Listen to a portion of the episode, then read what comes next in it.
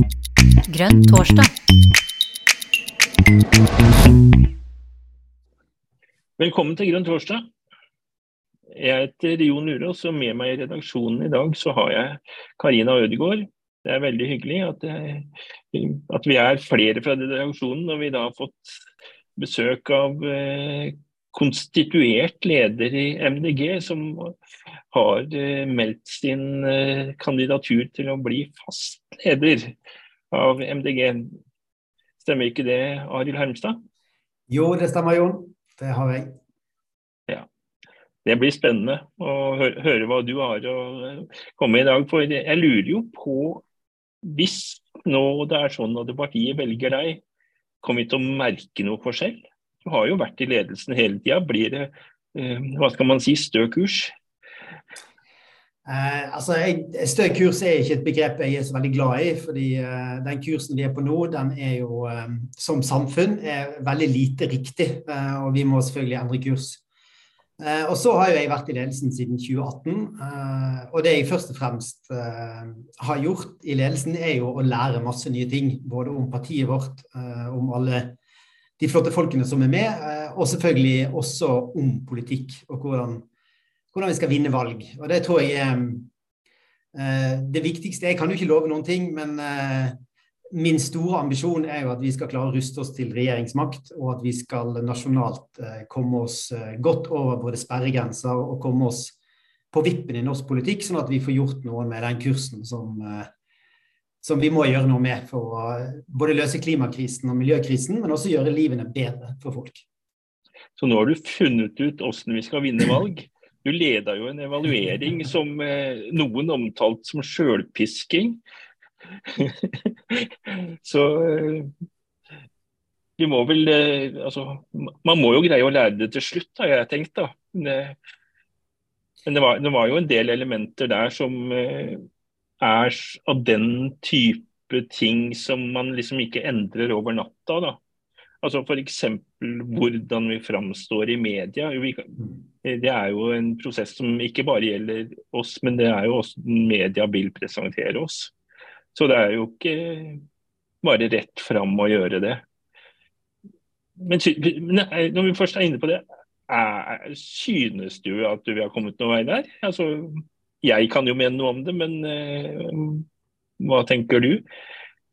Eh, ja, eh, ja, det mener jeg. Altså, det er to ting å si om det. Det ene er at vi selvfølgelig, eh, vi som er i ledelsen og vi som har frontet partiet de siste etter valget, kan du si. Jeg syns nok vi har et høyere bevissthetsnivå på hvordan vi skal fremstå, og at vi er mye tydeligere på hvem er det vi snakker på vegne av i de ulike sakene. Og så tror jeg dessverre da at Ehm, det er ingen av de andre partiene som er sånn spesielt glad i Miljøpartiet De Grønne.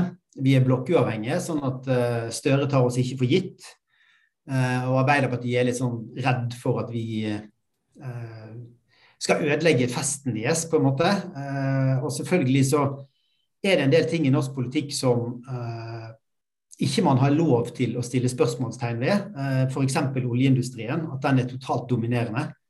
Eh, da utfordrer man noen veldig veldig sterke krefter i samfunnet. Og så har vi jo også et helhetlig perspektiv på uh, dette med forbruk og økonomisk vekst, hvor vi mener at miljøsaken er så viktig at vi kan ikke lenger prioritere vekst og alle mulige miljøødeleggende arbeidsplasser på bekostning av miljø. Og Det er heller ikke et budskap som um, er spesielt populært blant de andre partiene. Men jeg tror det er også viktig at et parti tør å si det. Jeg tror det er viktig at vi har et parti som viser at den, uh, alt det vi tar for gitt med dagens politikk uh, Du kan ikke både uh, fortsette oljeeventyret i 30-40 år til og si at du skal løse klimaproblemet. De to tingene går ikke i hop. og da er det selvfølgelig også MDG sitt helt tydelige, en helt tydelig rolle. At det skal vi tørre å si. og da betyr jo det at vi vi må ruste oss bedre for de slagene som kommer fremover, enn det vi kanskje klarte i 2021. Jeg tror liksom eh, Mye av budskapet vårt var helt riktig, men vi hadde noen overslag noen ganger. Og så hadde vi også sånn Vi burde nok ha tenkt bedre igjennom. Eh, hvis vi sier dette, hva kommer de andre til å anklage oss for, og hvordan skal vi ruste oss for denne kampen? Og det, ja, Jeg pleier ofte å si at det å drive lokalvalgkamp er jo veldig, veldig gøy. Det er selvfølgelig veldig krevende. Men du kan sende alle folkene dine i angrep uten at det blir masse mål imot. Mens hvis du, er, hvis du gjør det samme når du kommer i en nasjonal valgkamp, så har de store partiene masse folk som sitter og, og kaster seg over deg hvis du, hvis du, sender alle mann i angrep, eller alle damer i angrep, eller alle hen i angrep. Og det gjorde vi eh, det gjorde vi kanskje et par ganger for ofte i 2021, og det tror jeg vi har lært ganske mye av. Og eh, jeg tror vi, vi må bli flinkere til å lese det politiske spillet, særlig i de nasjonale valgkampene, hvor vi møter sterk motstand og ganske sterke motkrefter for um, det egentlig veldig populære budskapet vi har, men som ofte blir vridd og vrengt på, sånn at vi, eh, vi, blir stående i ganske tunge kamper. Og vi blir ofte stående alene. Det er ikke sånn at de andre partiene kommer og sier at eh, Det er ikke sånn at Venstre og SV liksom sier at nei, men MDG er helt rett. Sant? Altså, de hiver seg også på i, i um, det som blir et stormløp mot De grønne sine perspektiver og verdier. Mm. Jeg bare hang meg opp i én ting som du sa i, i starten på dette her. Støre skal ikke ta oss for gitt, eller han tar ikke oss for gitt. Mener du han har grunn til å ikke ta oss for gitt? Vi har jo gjort et delvis retningsvalg hvis man eh, i hvert fall leser media. og så eh, jeg var jo med når vi gjorde dette vedtaket, og jeg oppfatta det som litt mer åpent. da, Men mm, nå sitter jo ikke jeg i partiledelsen, så jeg vet ikke om, eh, hva, du, hva vil du si i dag? Nå er det jo en stund siden det vedtaket. Mm.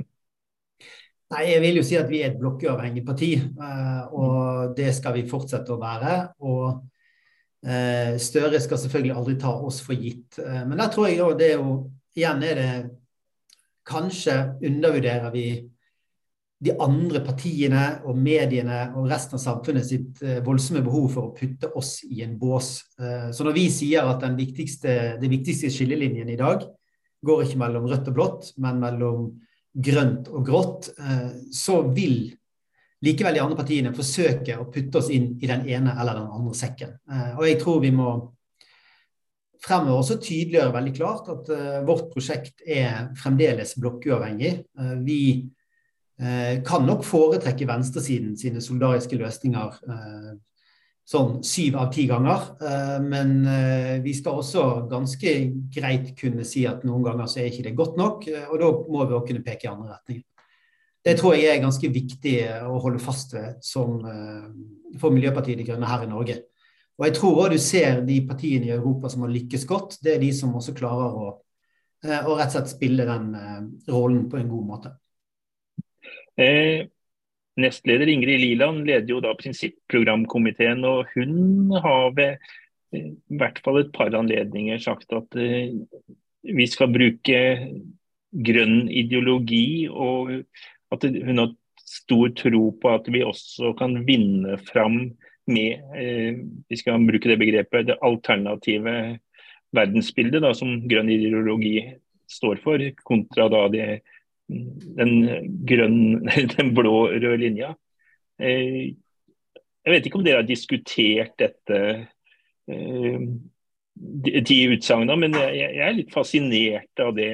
Jeg, inn, jeg tenker jo liksom litt grann det at det blir kanskje for komplisert for velgerne, men det er jo snakk om å ta folk på alvor også, da. Så, og, og, tida vi står i på alvor, kontra den eh, eh, altså, det, det, Den rød-blå linja er jo en gammel linje. Som, den er jo ikke, er jo ikke fra 1900-tallet engang, det er jo 1800-tallet. og eh, Det er ikke noe som er laga i det 20. århundret. Mm. Eh, nei, eh, men jeg tror den store kampen i forrige århundre eh, den handlet jo om det røde versus det blå. Eh, hvor eh, i hvert fall fagbevegelsen sto historisk sett på de rette standpunktene og klarte å frigjøre rett og slett arbeiderne fra kapitalister, som var selvfølgelig veldig kyniske. Og i dagens samfunn så er veldig mye av det, de arbeidsvilkårene som var på begynnelsen av 1900-tallet, de ville vi aldri akseptert i dag. Og den virkelighets... Altså den kampen vant jo i stor grad fagbevegelsen. Den fortsetter. Jeg har selv vært veldig engasjert i arbeidernes rettigheter, kvinne, kvinnearbeidsplasser i klesindustrien i Sørøst-Asia, i folk som jobber i gruvene i Indonesia. altså Alle disse arbeiderrettighetene kampene, de fortsetter. altså Den røde og blå skillelinjen er jo fortsatt relevant. Eh, men i dette århundret så mener jeg at eh, det står om livsgrunnlaget vårt. Eh, og da er på en måte Det vil gå utover alle mennesker dersom vi ikke klarer å løse vår tids store miljøproblemer. Og da mener jeg at vår ideologi er den beste, for den, den, viser nettopp skillelinjen mellom de som tar det på alvor, og sier at det er den grønne ideologien som er aller, aller viktigst, og så må de andre partiene finne seg i at de er da enten blågrå eller rødgrå.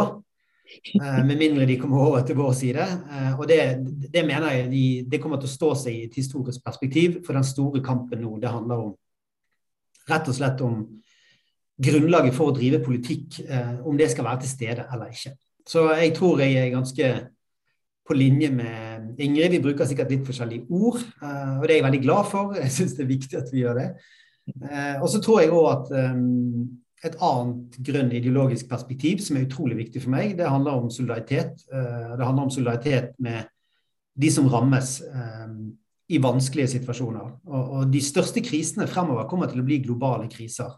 Og Da kommer prisene på matvarer, strøm, basisvarer til å stige. Det går utover de fattigste og de mest sårbare her i Norge. Men selvfølgelig går det også utover folk i andre land.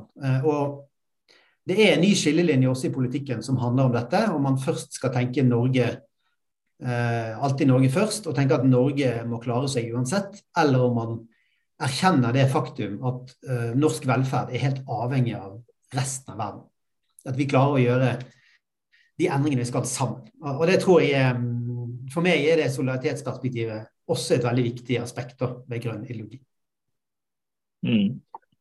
Men hovedpoenget med dagens sending er jo hvorfor skal vi velge deg som leder? Nå har vi vært innom litt, eh, litt sånn temaer rundt det, men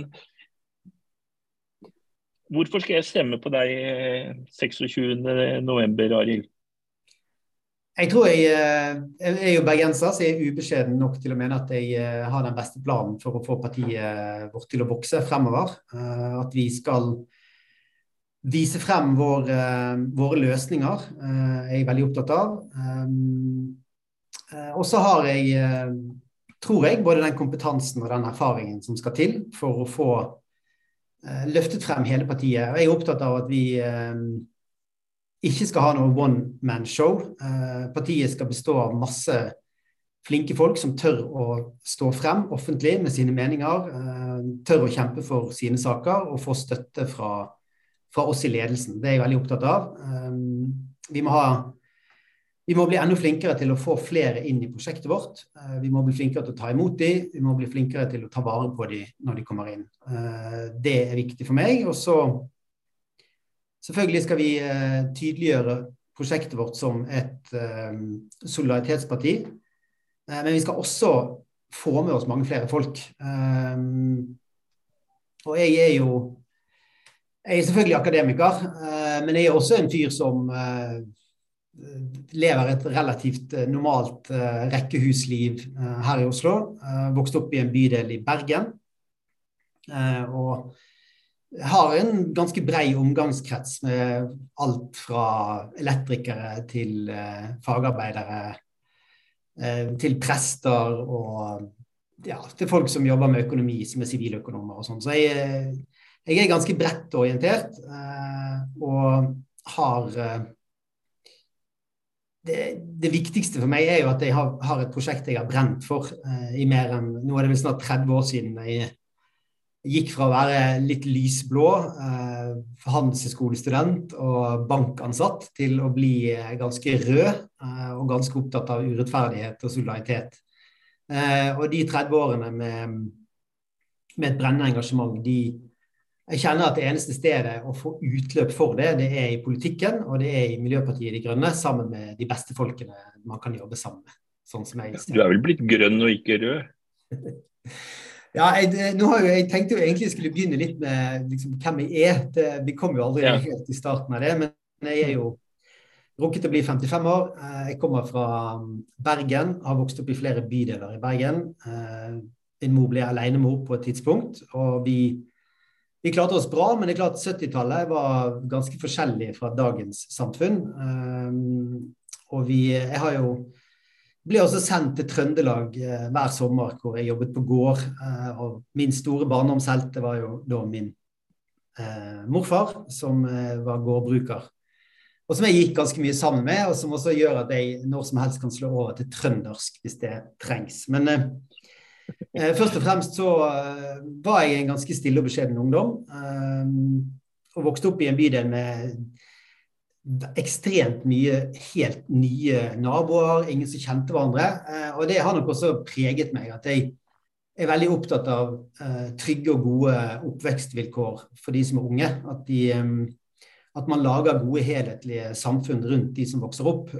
Og det opplevde dessverre ikke jeg, da. Jeg, jeg synes at det det at alt var nytt og vi byttet skole si, hvert kvarter, eh, det var ikke spesielt trygt. og Det føltes ikke så trygt å vokse opp der. Og mange av mine eh, skolekamerater og venninner, de, eh, ja, de endte opp i rus, og mange av de har det ikke gått så veldig bra med. Så det er i hvert fall noe som jeg også har med meg fra barndommen. Jeg tok økonomiutdanning, begynte i bank og var blåruss. Men jeg hoppet av når jeg var 25 år, etter å ha vært i Guatemala på, for å lære meg spansk. Og da ble jeg på en måte Det var da jeg, denne røde perioden min kom. Og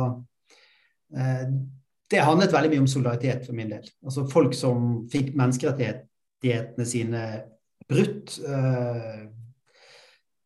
eh, grufulle historier om urfolk som ble massakrert, eh, men også om eh, USA, rike land, eh, folk med mye penger som begikk eh, grove overgrep mot folk. Og en enorm forskjell på fattig og rik. Så det har nok også preget veldig mye av min måte å se verden på. At jeg blir skikkelig opprørt når folk har det dårlig. Så etter 25 år så Begynte da å studere geografi og tok et miljøfag, eh, hovedfag, og begynte øyeblikkelig etterpå å jobbe i frivillige organisasjoner for å redde verden. Eh, alt fra Latin-Amerika-gruppen til eh, Framtiden våre hender til Raftostiftelsen. Og så ble jeg da leder i Framtiden våre hender, og det likte jeg veldig, veldig godt. Eh, det var en organisasjon som både står for miljø, for rettferdighet, eh, og som også er opptatt av eh, at vi må slutte med dette overforbruket vårt av ressursene. Så det var jo en veldig eh, fin plass for meg å komme til. Eh, flytte til Oslo eh, og ble leder i Framtiden med hender. Eh, så da gikk jeg jo eh, Ja, da tenker jeg at jeg eh, lærte mye av å lede den organisasjonen. Vi vokste ganske mye. vi fikk til veldig mye. Men jeg kom på et tidspunkt i livet hvor jeg følte at det tar for lang tid. Jeg stoler ikke på de politikerne som vi prøver å lobbyere overfor. Eh, og opplevde gang på gang at de ikke leverte, selv om de sa at de var ja, de var kjempeopptatt av miljø, og de skulle selvfølgelig ta denne saken videre og sånn. Og så de gjorde ikke de det når det kom til stykket. Så da fant de ut at eh, OK, jeg må gå fra å være idealist til å bli politiker sjøl. Eh, ja, og det er veldig kjapt. Eh, jeg tror det var Hanna som fikk meg til å oppdage Miljøpartiet De Grønne, altså Hanna Markussen. Mm. Og så var det mm, Rasmus som fikk meg til å stemme på Miljøpartiet De Grønne, siden jeg kjente han eh, og heiet veldig på han. Eh, og så var det Hulda som fikk meg til å melde meg inn. Hun drev en helt fantastisk ja, og han drev en fantastisk debatt med Frank Aarebrot uh, i en TV-sending. og da tenkte jeg sånn Det laget der er bare så bra, jeg må bli med på det laget der. Og det var vel i 2015-2016 at jeg eh, ja. fikk øynene. Og Hulda er, Hulda er, tidligere leder av Grønn Ungdom, Hulda Hottvedt, ikke sant? Mm. Stemmer. Uh, virkelig en fantastisk uh, dyktig politiker som eh, akkurat nå har pause. Mm. Men det var så For meg var det aldri noe tvil om at uh, hvis jeg ville bli politiker, så var det ett parti som hadde den beste ideologien, uh, de beste folkene. Uh, og den beste planen for å ta Norge videre til et nullutslippssamfunn, til et samfunn hvor man tar vare på livskvaliteten til folk, og hvor man jevner ut forskjeller og tar vare på mangfold. Så alle de tingene der syns jeg har vært ja, det har vært eh, fantastisk eh, å komme inn i Miljøpartiet De Grønne, og fantastisk å være med. Og så er det jo én ting da med politikk, som dere sikkert vet, eh, og det er jo at eh, det er ganske sånn risikosport. Og det tiltrakk meg veldig. Altså det at man på en måte kunne stå opp om morgenen, og så hadde du vunnet et valg, og da hadde du plutselig veldig mye makt til å gjøre det du ville. Og så hadde det nok jeg hadde kanskje undervurdert det faktum at man også kan opp, våkne opp om morgenen, og så har man tapt, eller man har ikke gjort det så godt som man ville. Det, og det er oppturene og nedturene i um, politikken som er det, det er, Jeg syns jo det gjør det verdt det, fordi at man lærer så mye av det på veien. Uh, og så er det jo sånn at hvis man vinner et valg, uh, så er det den beste måten å endre samfunnet på er gjennom politiske vedtak eh, og gjennom politiske partier som vil noe, at man kan endre samfunnet på en bærekraftig og demokratisk måte.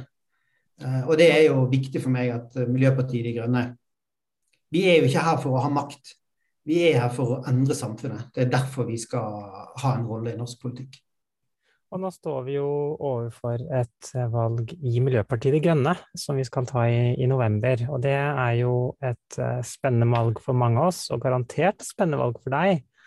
Um, det jeg tenker, Arild uh, bare, bare, Jeg må bare ta en morsom en først. Uh, fordi at du nevnte jo Jon, eh, dette med fast leder. Og så tenker jeg at ja, men vi har jo en fast legekrise i Norge i dag. Eh, før vi liksom bare går videre med spørsmålet mitt, har du noen tanker rundt fastlegekrisen, Arild? Altså, jeg, eh, det er jo veldig lett å svare på det at liksom, løsningen på alle sånne problemer er å bevilge mer penger.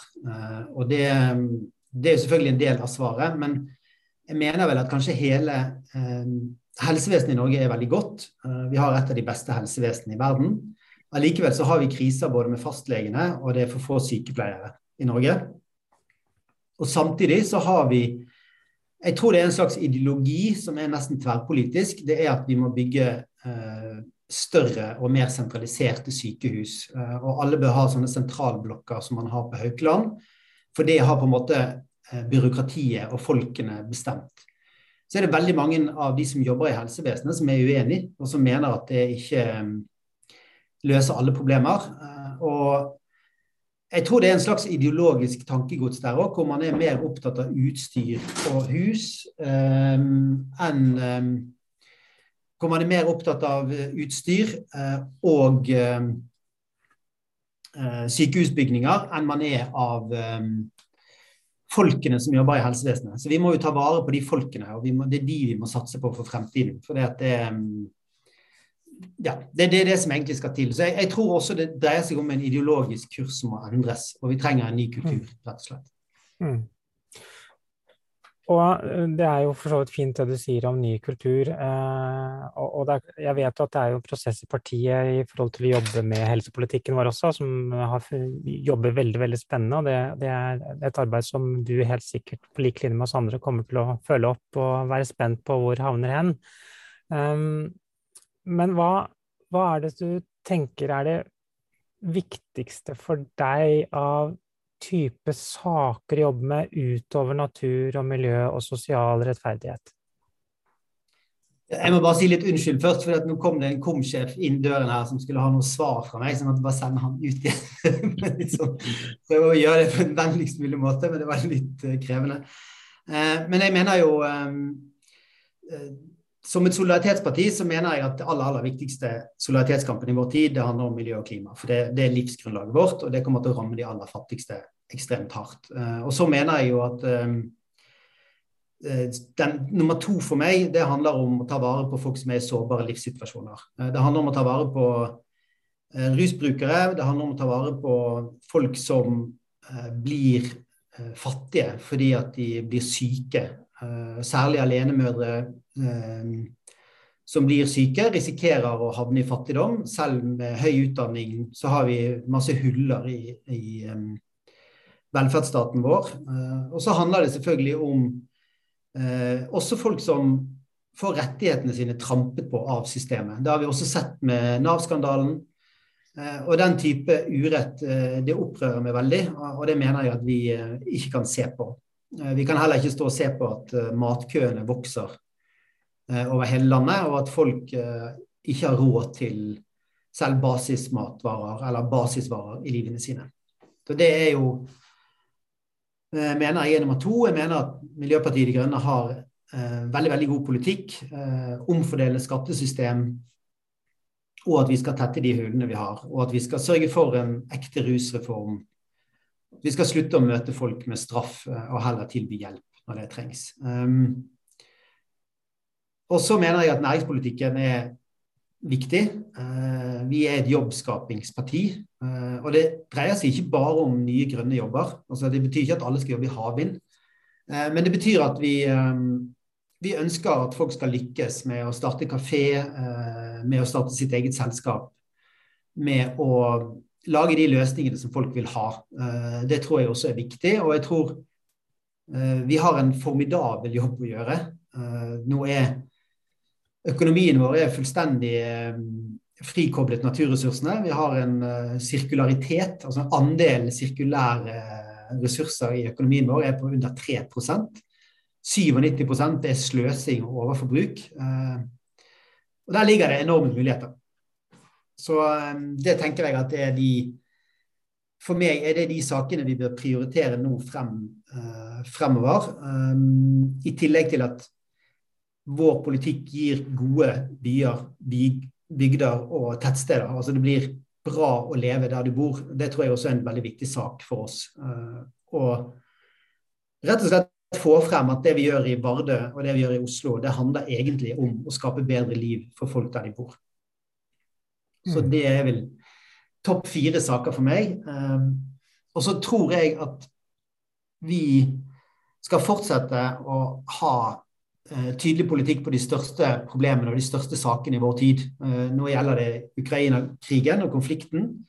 Ehm, det gjelder selvfølgelig lærerstreiken eh, og lærernes arbeidsvilkår. Eh, og det gjelder også saker som engasjerer ganske bredt, som er selvfølgelig ehm, sykehus, eh, fastlegekriser og den type ting. Som ehm, Vi skal ikke la være å vise frem politikken vår, men vi kan heller ikke love at vi klarer å eie alle disse sakene. At vi klarer utspill og forslag i Stortinget som de andre partiene må ta stilling til.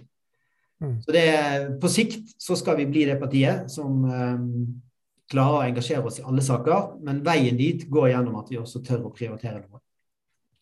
Har du, noen tanker, har du noen tanker på hvordan vi kan få en tydeligere næringslivspolitikk enn det vi har i dag?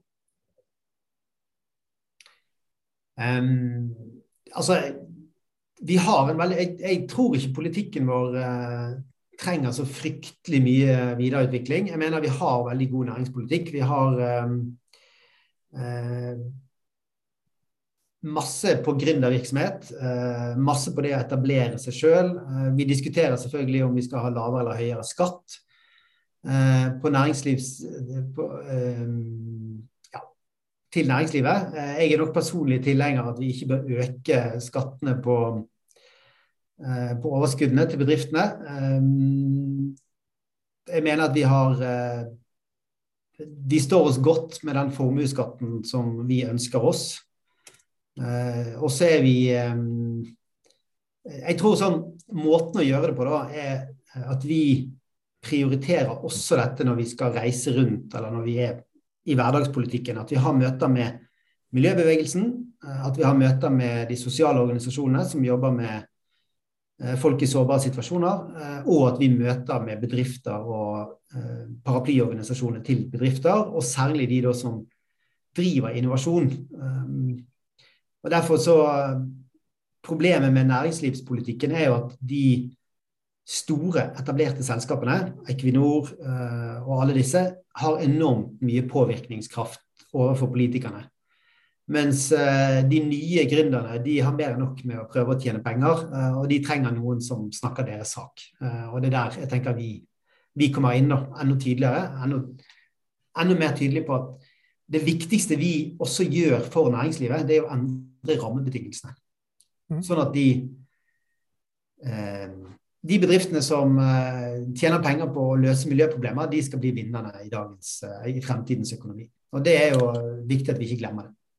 Handler dette her også om det å skape gode rammer for gode liv?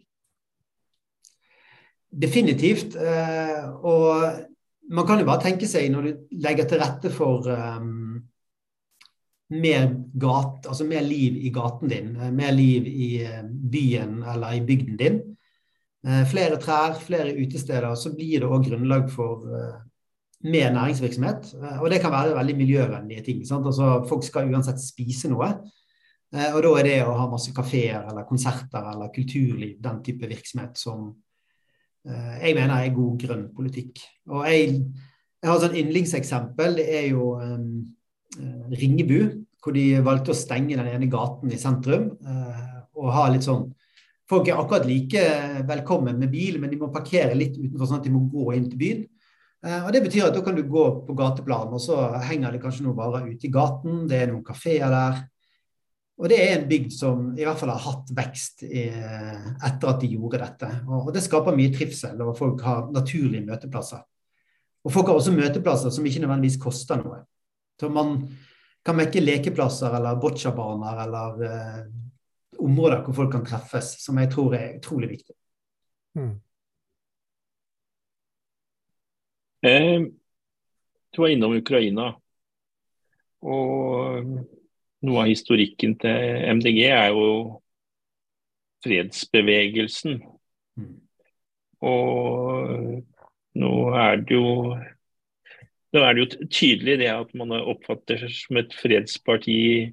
Eh, hva som ligger i det er litt forskjellig. Og, men det ble jo noe gnisninger når da partiet plutselig landa ned på å sende Eller støtte det å sende våpen. da.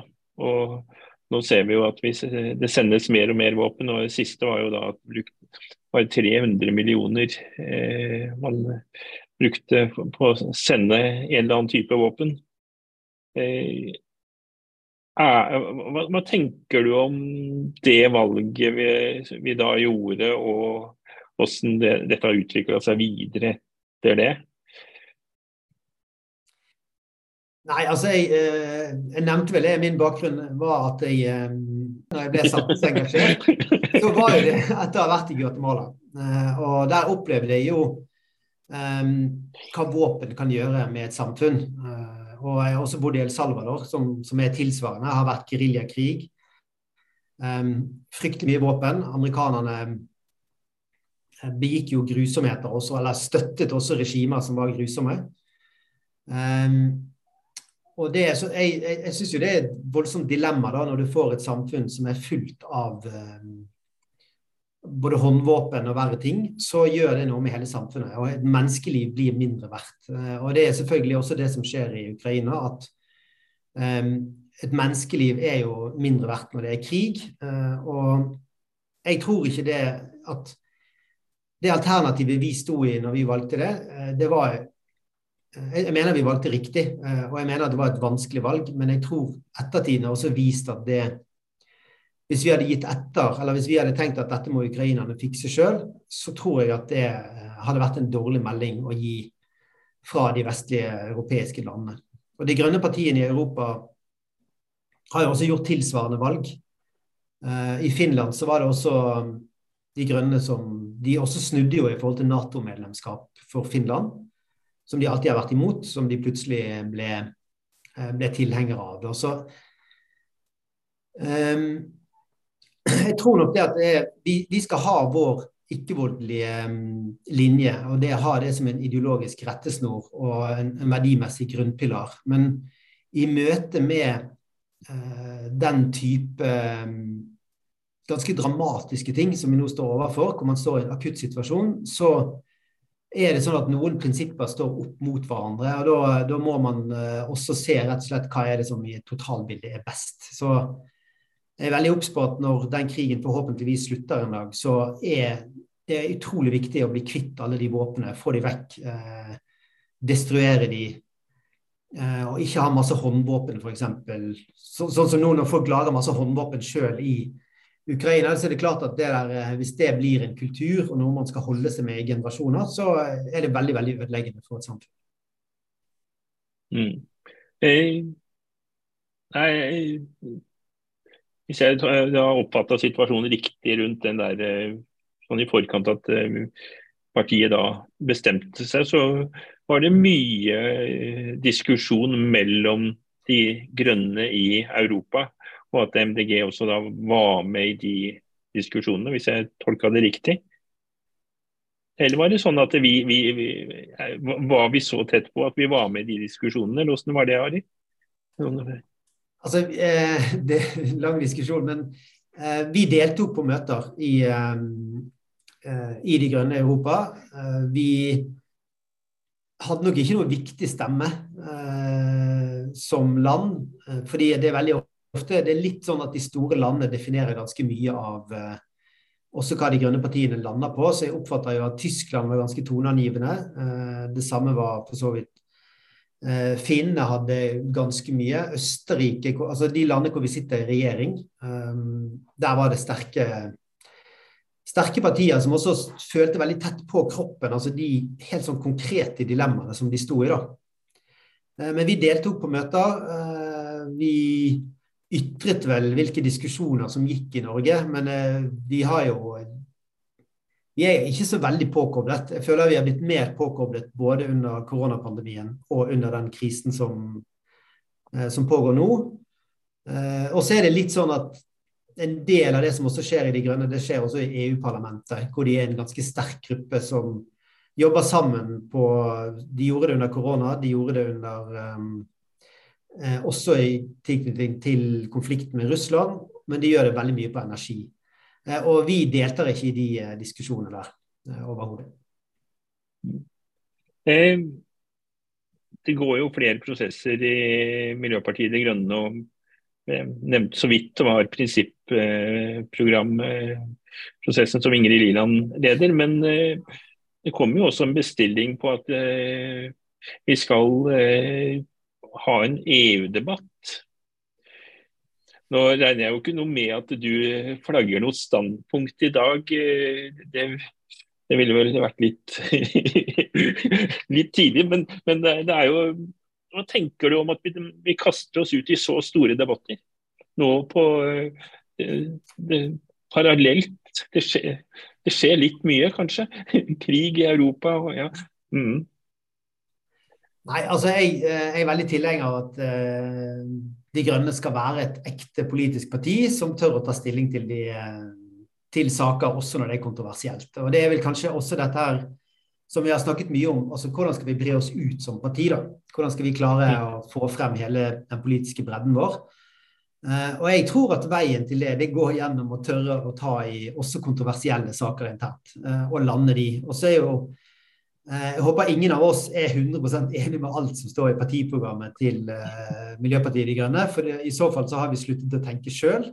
Det er et veldig veldig dårlig tegn. Um, og, så det tror jeg også flere av oss som er med i partiet. Vi må, liksom, vi må bort fra denne ideen om at liksom, ja, men alle er enige om miljø, uh, og da må vi bare snakke om miljø. Og så kan vi av og til snakke om andre ting, men da skal det være helt ukontroversielt og sånn som alle kan være enig i. og da er vi, da mener jeg at da er vi ikke et ekte politisk parti, men da er vi en aksjonsgruppe for miljø. Så jeg, jeg syns det er bra at vi skal tørre det, og så skal vi tørre å, eh, å, stå i de debattene. Og vi må tørre å lande de, og vi må vi som er ledelse, vi må tørre å fronte standpunktene våre. Selv om det var 51% som stemte for, og 49% som stemte imot. Vi må tørre det, og vi må selvfølgelig også tåle å like det at det blir diskutert i partiet, og tenke at det er bra. Og det er bra for politikkutviklingen at vi tør å ha høy takhøyde på at folk også kan være uenige med partiledelsen. Har du tatt noen forbehold til partiprogrammet? Har det vært så alvorlige uenigheter? Eh, det finnes jo en liste på sånne ting, men eh, ja. Eh, nei, jeg føler ikke at de standpunktene som vi tok nå, er sånn som går på akkord med mitt eget verdistandpunkt. Så jeg har ikke tatt noen forbehold. Mm. Men eh, det der med å breie ut partiets politikk, det var jo noe av det som kom, i den valgkampevalueringen. Eh, og vi har jo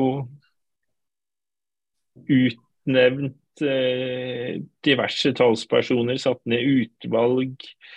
Eh, ser, ser, du for deg at eh, man liksom skal ha enda flere talspersoner og enda flere utvalg. Eh, så, eh, så ser det ut som vi får det til ute i media, hvis du ser det sånn? Eh, det var jo flere spørsmål. Det første, ja, jeg tror vi kommer til å få flere saksstatspersoner. Vi har, vi har folk som helt sikkert kommer til å ha ambisjoner om det. og Særlig når det begynner å nærme seg lokalvalg, så kan det jo være lurt. Eh, jeg tror, dag, jeg tror jeg fikk en mail i dag om noen som har lyst til å starte et eget utvalg. Eh, så det er jo også veldig bra.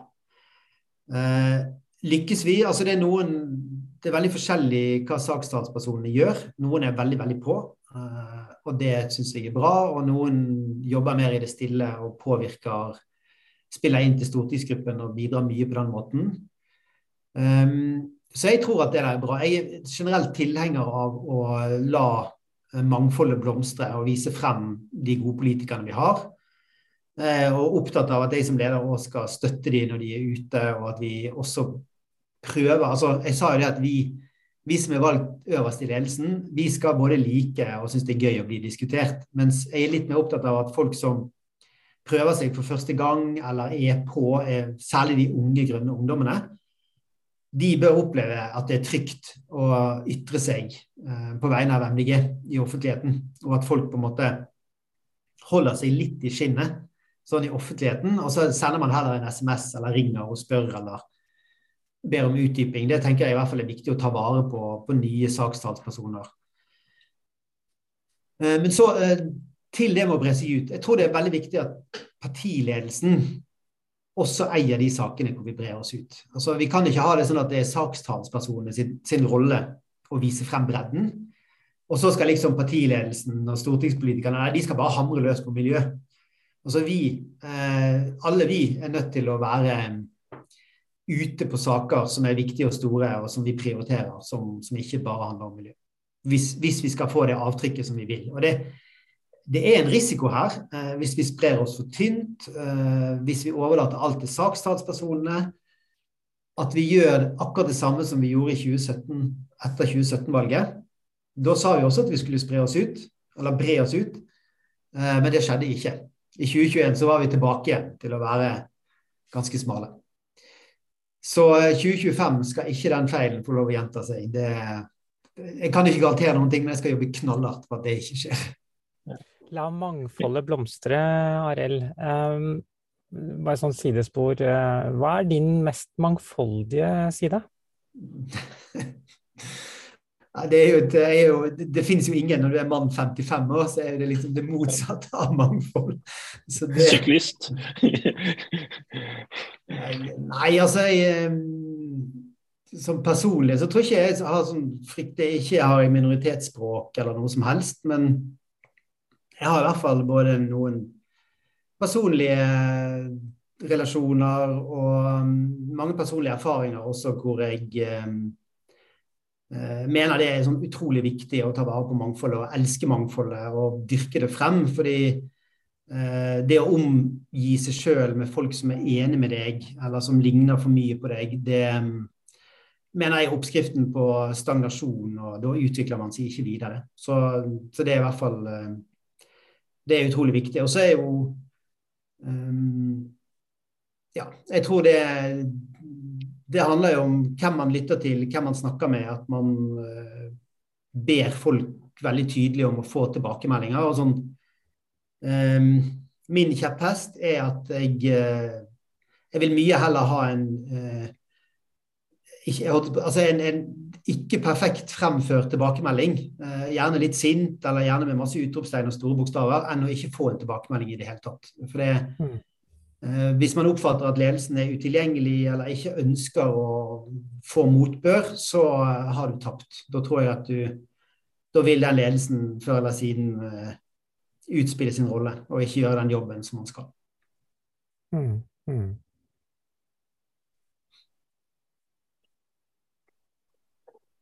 Bypartiet Bypartiet, Miljøpartiet De Gærne er jo en del som kaster ut av og til. Eh, tror du at eh, det at vi greier å komme oss vekk fra den eh, Hva skal vi si den, det er jo ikke en generell oppfatning blant folk, men, men det, er, det, er, litt for mange som driver og, og, kommer med. da, så vi det, kan jo være litt ubehagelig å stå på stand på bygda og, og, sånn. Jeg, jeg, bor jo sjøl i Løten, så der, vi hører jo noen sånne noen utsagn à la det innimellom. Ja, og det er, jo, eh, det er jo selvfølgelig en del av kampanjen mot MDG for på en måte å gjøre oss eh, mindre relevant. Og så selvfølgelig På den ene siden så skal vi være stolt av at vi har masse støtte og masse velgere som uh, liker oss der vi har fått utformet politikken vår. Og det har jo vært i Oslo, det har vært i Bergen, vi har vært i Trondheim har vi vært i makt veldig, veldig lenge. Men jeg tror at vi i ledelsen må få frem hva vi gjør i Bardø, hva vi gjør i, i Midt-Telemark, og hva vi har fått til også de andre stedene. da hvor vi styrer sammen med Senterpartiet.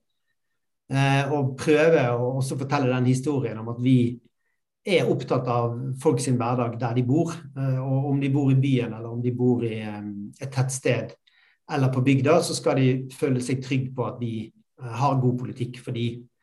Eh, og det eh, Jeg tror jo vi har blitt flinkere som parti til å få frem mer av den fortellingen.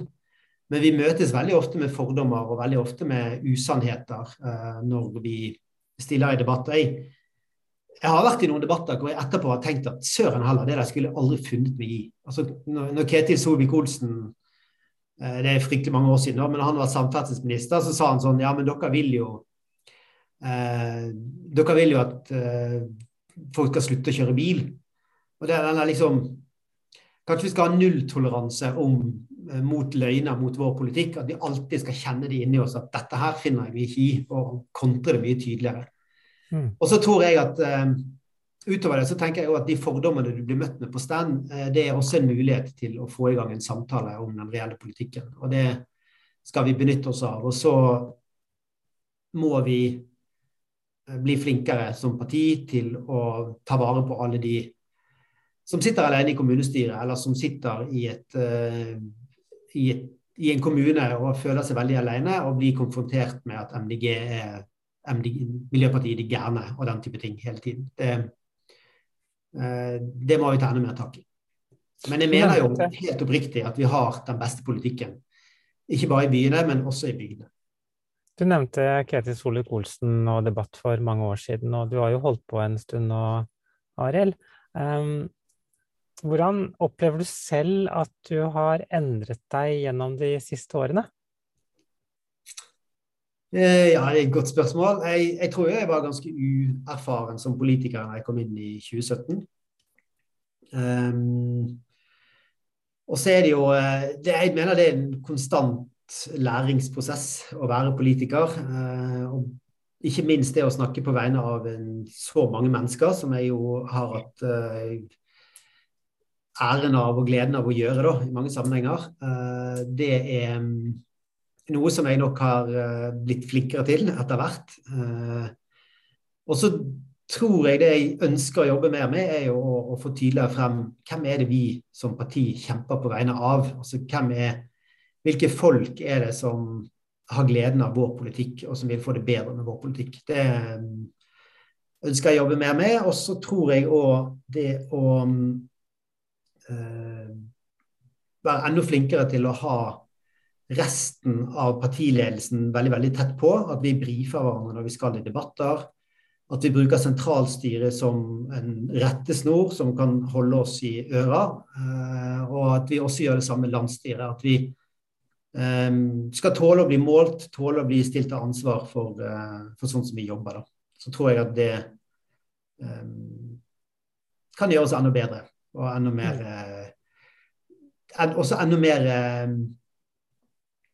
eh, lydhør overfor liksom kritikken eller tilbakemeldingene fra vanlige folk. For det, hvis du sitter eh, på et kontor med fire-fem andre som sier det samme, eller liksom som tenker litt likt, så er det dårlig for eh, hvordan man rekker ut. da. Så igjen, dette med mangfold er viktig for meg. Mm. Ja, Arild. Du har jo framstått som en ruspolitisk talsperson i det siste. Det mye ruspolitikk. Eh, er det, er det vært en strategi, eller ble det plutselig bare sånn? Eh, nei, det begynte vel egentlig eh, altså Helt fra gammelt av så har jo jeg sett hva rus kan gjøre med folk, og hvor ødeleggende det er. Og det gjelder jo ikke bare ulovlige rusmidler, men også når jeg bodde i Latin-Amerika og så hvordan folk var alkoholisert, og hvordan det ødela veldig veldig mye, for, særlig for kvinner, uh, som da ofte ble de sårbare i de situasjonene, da, hvor, som også opplevde at det ja, var veldig ødeleggende for, uh, for de, da. Eller for alle. Og så uh, Sånn politisk så i 2021-valgkampen så begynte jeg å jobbe en god del med Hadde mye møter med de forskjellige organisasjonene på rusfeltet. Eh, og så har jo jeg mer og mer innsett at eh, den rusreformen som vi ikke fikk, det er en av de viktigste sosiale reformene vi kan ha. En ting er alle overdosedødsfallene, men en annen ting er jo alle de tusener og titusener mennesker som rammes indirekte av en, en, en avleggs- og gammeldags politikk som ikke hjelper. Uh, og det å oppdage de, den maktkampen som har vært i politiet, uh, og hvordan uh, destruktive krefter har fått lov å prege debatten så lenge, det har vært ganske synes jeg, sjokkerende å oppleve. Da. Så da har jeg bare kjent at dette her Eh, her er vi bare nødt til å, å være på lag med, med, de som rammes av den dårlige politikken. Og jeg tror Den gode fortellingen er selvfølgelig at eh, det har gjort at vi har vært mye på, men det har også gjort at de andre partiene har vært enda tydeligere og enda sterkere press overfor um, justisministeren, Arbeiderpartiet. Sånn at for, for meg er det ikke snakk om om vi skal ha en rusreform, spørsmålet er hvor tid det kommer. Uh, og for hver dag som går hvor det ikke er en rusreform, så er det noen folk som, eh, som det går utover, og som skades av den dårlige politikken. Og det, det, er nok, det, er nok, for meg til å fortsette å ha det som en viktig kampsak. Ja. Eh, nå begynner det å nærme seg en avrunding her, men Karina, har du noe mer eh, som du vil innom før eh, Arild får sjansen til en eh, til en liten uh, avsluttende kommentar? Ja, altså jeg har jo eh, fått lov til å følge deg litt, grann, uh, Arild, på veien. Og, og, og, jeg opplever jo at du har, har um, absolutt eh, endret deg litt i løpet av de siste årene. Og det har vært veldig gøy å se, da. Jeg opplever jo at du, du fremstår som en, en veldig moden politiker eh, i, i, eh, i, partiledelsen nå, og, og sånn sett eh, føler, føler, du at, at, at du kunne tredd inn i lederrollen for tre år siden? Det er et veldig hypotetisk spørsmål. Jeg følte, nok, jeg følte den gangen at jeg, jeg, kunne det, men jeg følte også at Une var en kandidat som jeg veldig gjerne ville hjelpe til å lykkes, og at vi skulle få det til sammen. Det føler jeg nok. Og så um, var det jo selvfølgelig også sånn at vi gikk fra talsperson til partiledelsesmodell, uh, og det snakket vi jo vi rakk jo egentlig aldri å snakke om det før koronaen kom. Og jeg tror liksom en del av de forventningene som vi hadde til hverandre, de var vanskelig å oppfylle, rett og slett. Sånn at, uh, og det tror jeg er fortsatt Vi har fortsatt en vei å gå når det gjelder liksom organisasjonsbyggingen og skape tydelighet og tydelige forventningsavklaringer mellom oss som er i partiledelsen. Det, eh, og det som er fint med det, er at UNE er fortsatt på Stortinget eh, og er fortsatt en ressurs. Eh, og at vi vi har veldig mange dyktige lederkandidater og dyktige ledertyper i partiet. og det, eh, det er i hvert fall mitt mål. å få, Hvis jeg blir partileder, så skal jeg ha veldig mange som har lyst på jobben min. Det tror jeg er liksom et suksesskriterium for å gjøre det bra som partileder. Hvor, hvor, viktig er resten av AU, altså nestlederne og partisekretæren, eh, for en partileder? Nei, det er klart at Nestlederen er jo de viktigste personene du skal jobbe sammen med. Eh, og Det samme gjelder også partisekretæren.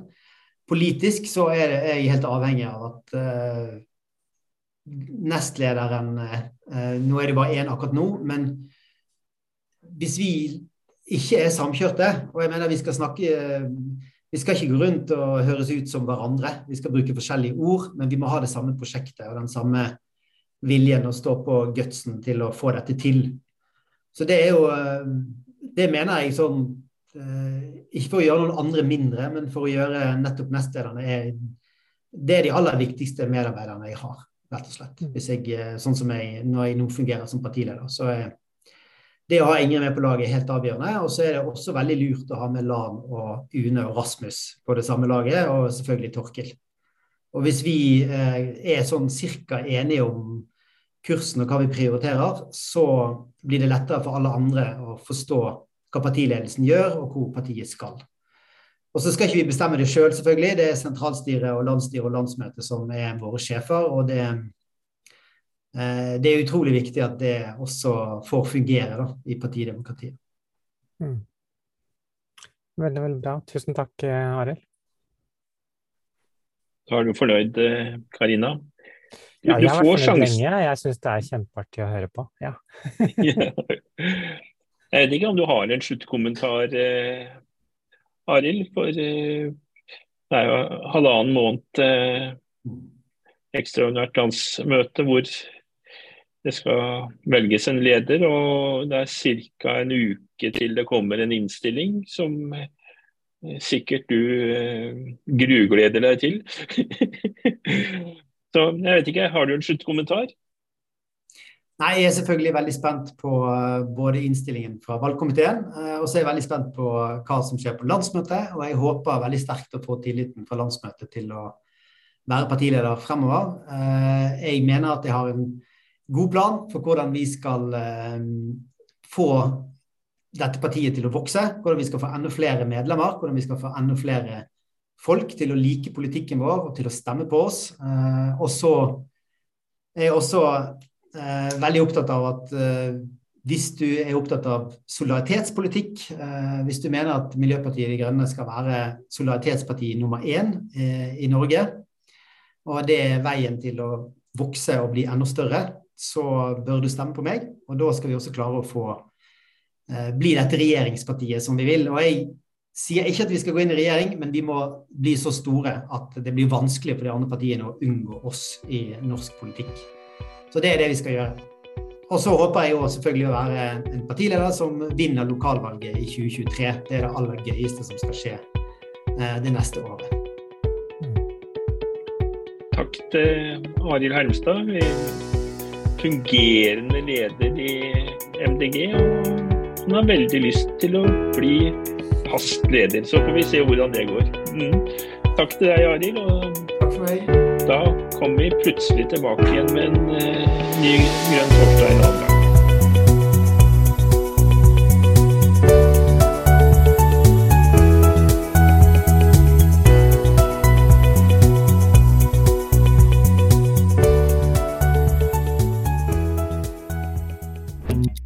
Grønn torsdag.